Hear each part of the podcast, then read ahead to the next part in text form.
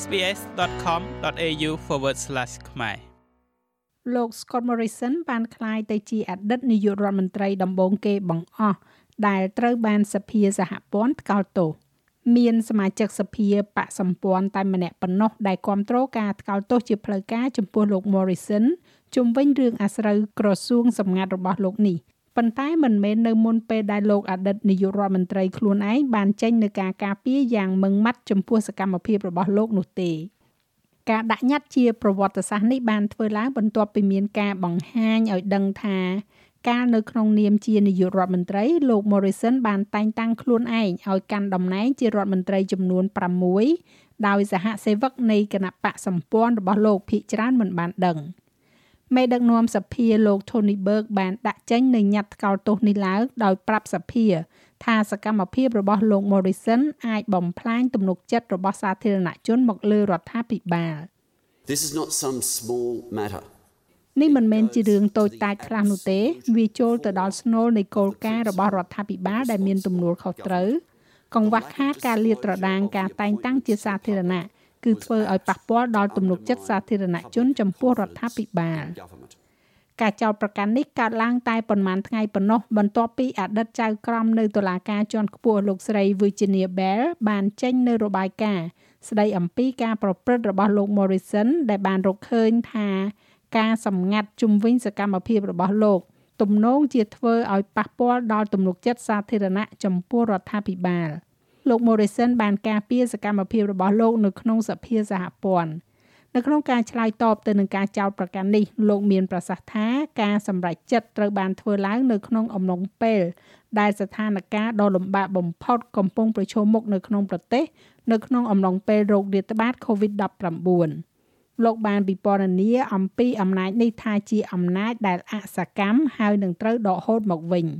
អតីតនាយករដ្ឋមន្ត្រីក៏បានអះអាងផងដែរថាញត្តិថ្កោលទោសនោះគឺស្មើនឹងការបំផិតបំភ័យផ្នែកនយោបាយដោយរដ្ឋាភិបាលលោក Albany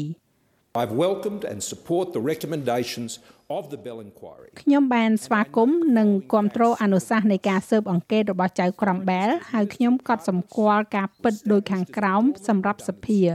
អាញាធរគ្រប់គ្រងនយោបាយកថាត្រូវបានបង្កើតឡើងក្នុងនាមគ្រាន់តែជាទួលនីតិដែលអសកម្មហើយនឹងត្រូវដកហូតមកវិញហើយទួលនីតិនេះនឹងធ្វើសកម្មភាពតែក្នុងកលៈទេសៈវិសាមញ្ញដែលបង្ហាញដោយការពិតដែលថាគ្មានអំណាចណាមួយត្រូវបានអនុវត្តនៅក្រោមអាជ្ញាធរទាំងនេះទេលើកលែងតែក្នុងករណីនៃការសម្រេចចិត្តរបស់ PEP 11ដោយកលៈទេសៈបែបនេះមិនត្រូវបានគេទទួលស្គាល់ដូច្នេះហើយគ្មានអំណាចណាមួយទាំងនេះត្រូវបានយកមកប្រើប្រាស់ខុសនោះទេ លោក Morrison បានបញ្ចប់សន្ទរកថារបស់លោកដោយបង្ហាញពីមោទនភាពចំពោះសមិទ្ធផលរបស់លោកនៅពេលកំពុងតែកាន់អំណាច I conclude Mr Speaker by thanking the Australian people ខ្ញុំសូមសរុបចំពោះលោកប្រធានសភាដោយថ្លែងអំណរគុណដល់ប្រជាជនអូស្ត្រាលីសម្រាប់អភ័យឯកសិទ្ធិក្នុងការបម្រើប្រទេសរបស់ខ្ញុំក្នុងទូនាទីជាច្រើនជាពិសេសក្នុងនាមជានាយករដ្ឋមន្ត្រី លោកប្រធានសភាខ្ញុំបានធ្វើអស់ពីលទ្ធភាពដែលខ្ញុំមាននិងធ្វើអស់ពីជំនឿជារៀងរាល់ថ្ងៃខ្ញុំមានអភ័យឯកសិទ្ធិបម្រើប្រជាជនអូស្ត្រាលីអគ្គមេធាវីលោក Mark Dreyfus អះអាងថាសន្ទរកថារបស់លោក Morrison បង្ហាញថាលោកមិនបានសោកស្ដាយនោះទេហើយគ្រាន់តែព្យាយាមបង្ហាញអំពីភាពត្រឹមត្រូវចំពោះសកម្មភាពរបស់លោកលោក Dreyfus និយាយថាវាគឺជាការសំខាន់នៅក្នុងការធ្វើឲ្យប្រកាស ថាស្ថានភាពបែបនេះមិនកើតឡើងទៀត in all too familiar fashion តាមរបៀបដែលធ្លាប់ស្គាល់ពីមុនមកលោកអតីតនាយករដ្ឋមន្ត្រីបានស្វែងរកការបំភាន់និងលាក់កំបាំងកំហុសរបស់លោក សូម្បីតែឥឡូវនេះសមាជិកសភាសម្រាប់កៅអីខូករូបនេះមិនទទួលស្គាល់កំហុសឆ្គងដែលគាត់បានធ្វើឡើយគោលការណ៍ដាច់ខាតនៃលទ្ធិប្រជាធិបតេយ្យរបស់យើងគឺភាពទទួលខុសត្រូវដោយដឹងថាអ្នកណាទទួលខុសត្រូវចំពោះការសម្រេចចិត្តដែលធ្វើឡើងនៅក្នុងនាមយើងទាំងអស់គ្នានោះហើយជាមូលហេតុដែលនាយករដ្ឋមន្ត្រីត្រូវប្រកាសក្រសួងជាសាធារណៈដូច្នេះហើយទើបមានអ្នកសារព័ត៌មានចូលរួមពិធីសច្ចាប្រណិធាននៅឯវិមានរដ្ឋាភិបាល វាក៏ជាមូលហេតុដែលយើងមានការសួរដេញដោលនៅក្នុងសភាហើយក៏ជាមូលហេតុដែលរដ្ឋមន្ត្រីបង្ហាញខ្លួននៅចំពោះមុខអ្នកសារព័ត៌មានដូច្នេះពួកគេអាចទទួលខុសត្រូវចំពោះការសម្រេចចិត្តក្នុងនាមរបស់ពួកគេប៉ុន្តែតើអ្នកអាចធ្វើបែបនេះបានដោយរបៀបណាបើអ្នកមិនដឹងថានរណាជារដ្ឋមន្ត្រីផងនោះសមាជិកបកប្រឆាំងជាច្រើនរូបបាននិយាយការពារលោក Morrison រួមទាំងលោកសមាជិកសភាបក Liberal លោក Paul Fletcher ផងដែរ លោក Fletcher អះអាងថាញត្តិថ្កោលទោសនេះគឺជាលំហាត់នយោបាយដ៏អាក្រក់ដែលត្រូវបានប្រើដើម្បីបង្វែរអារម្មណ៍សាធារណជន ពីកង្វះខាតការរីកចម្រើនរបស់រដ្ឋាភិបាលបច្ចុប្បន្ន This is not an appropriate use of the forms នេះមិនមែនជាការប្រើប្រាស់ទម្រង់និងនីតិវិធីសមស្របរបស់សភានោះទេរដ្ឋាភិបាលបានព្យាយាមបញ្ចេញមតិទៅលើបញ្ហានេះតាមរយៈដំណើរការជាច្រើន ប៉ុន្តែអ្វីដែលកំពុងធ្វើនៅពេលនេះគឺត្រូវប្រើទម្រង់នៃសភានេះដើម្បីបន្តសម្រាប់ហេតុផលនយោបាយដែលនាំមកនូវការត្រួតពិនិត្យបន្ថែមទៀតដើម្បីដោះស្រាយលើបញ្ហានេះវាច្បាស់ណាស់លោកប្រធានថាញត្តិថ្កោលទោសនេះមិនមានភាពខុសគ្នានៅក្នុងការអនុវត្តជាក់ស្ដែងទេ វាក៏ច្បាស់ណាស់សម្រាប់អ្នកសង្កេតការណ៍ដែលមានគោលបំណងថានេះគ្រាន់តែជាការអនុវត្តនយោបាយអាក្រាតនិងស្វែងរកការបំផ្លាញកេរ្តិ៍ឈ្មោះនិងជំហររបស់អតីតនាយករដ្ឋមន្ត្រីប៉ា Liberal សមាជិកសភាប៉ា Liberal លោក Julian Leeser ក៏បានគ្រប់គ្រងអតីតនាយករដ្ឋមន្ត្រីរូបនេះផងដែរលោកនិយាយថាញត្តិថ្កោលទោសនេះមិនសមនឹងតម្លៃដែលចំណាយពេលវេលារបស់សភានោះឡើយហើយបានចោទរដ្ឋាភិបាលថាកំពុងតែលេងនយោបាយរំខាន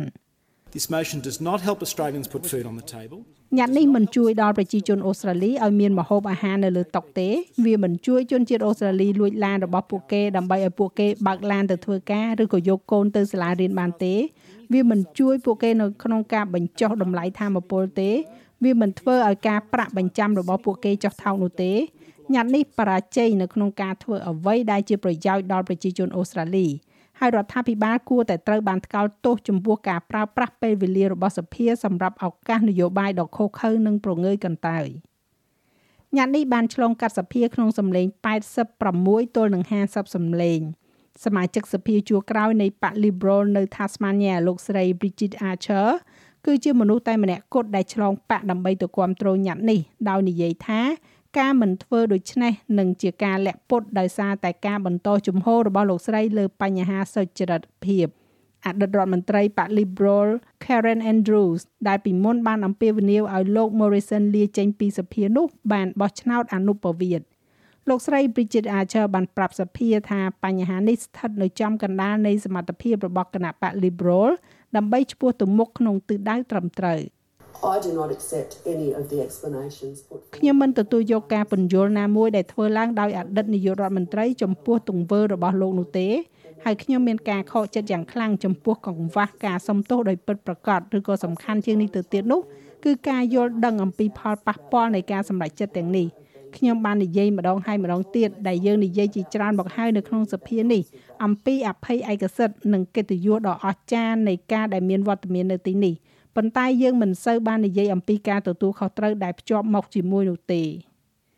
លោកនាយករដ្ឋមន្ត្រី Anthony Albanese និយាយថាការតែងតាំងនេះគឺមិនចាំបាច់ហើយការថ្កោលទោសចំពោះទង្វើនេះ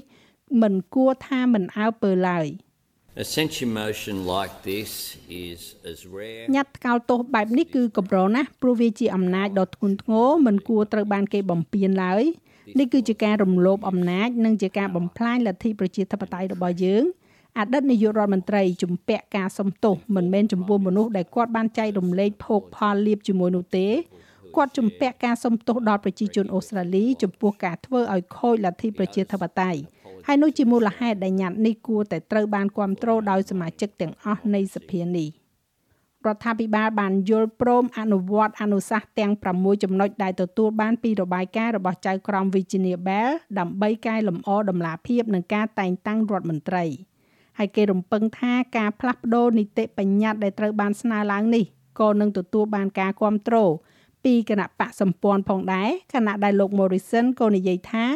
លោកគ្រប់គ្រងអនុសាសន៍នេះដែរចាស់ហើយរបាយការណ៍នេះចងក្រងឡើងដោយ Omo Bello សម្រាប់ SBS News និងប្រែសម្រួលសម្រាប់ការផ្សាយរបស់ SBS ខ្មែរដោយនាងខ្ញុំហៃសុផារ៉ានីចុច like share comment និង follow SBS ខ្មែរនៅលើ Facebook